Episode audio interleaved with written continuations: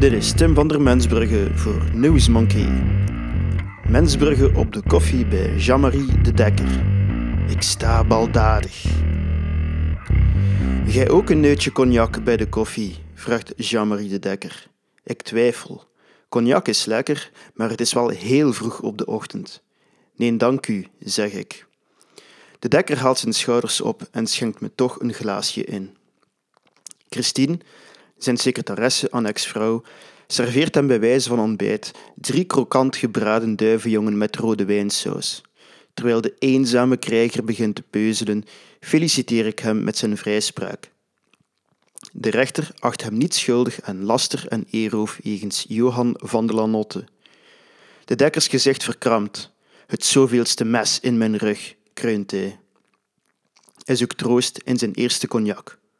Hoezo? vraag ik.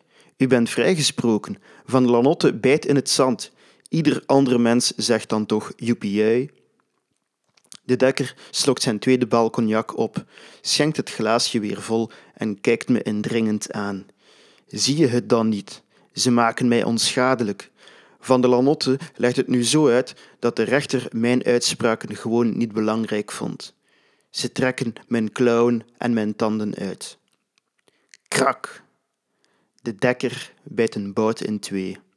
Maar meneer de dekker, u kunt toch niet in alles een complot zien, werp ik op. Toch wel, repliceert hij.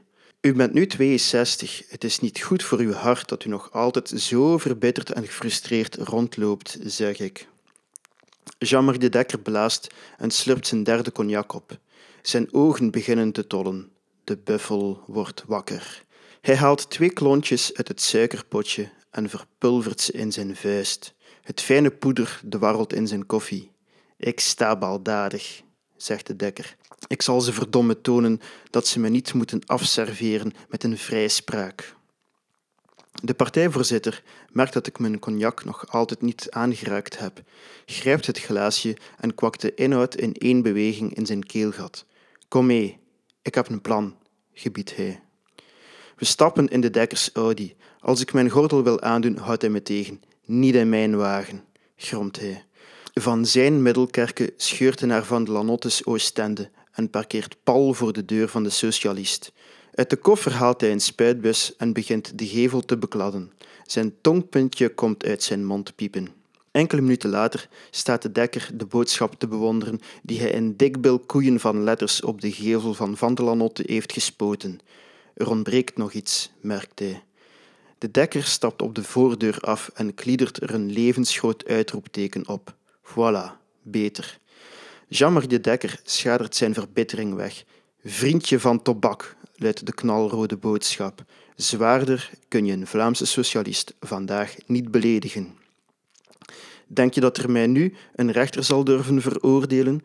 vraagt de dekker met een klein hartje. De kans is groot, knik ik. Jean-Marie de Dekker glimlacht. Eindelijk erkenning.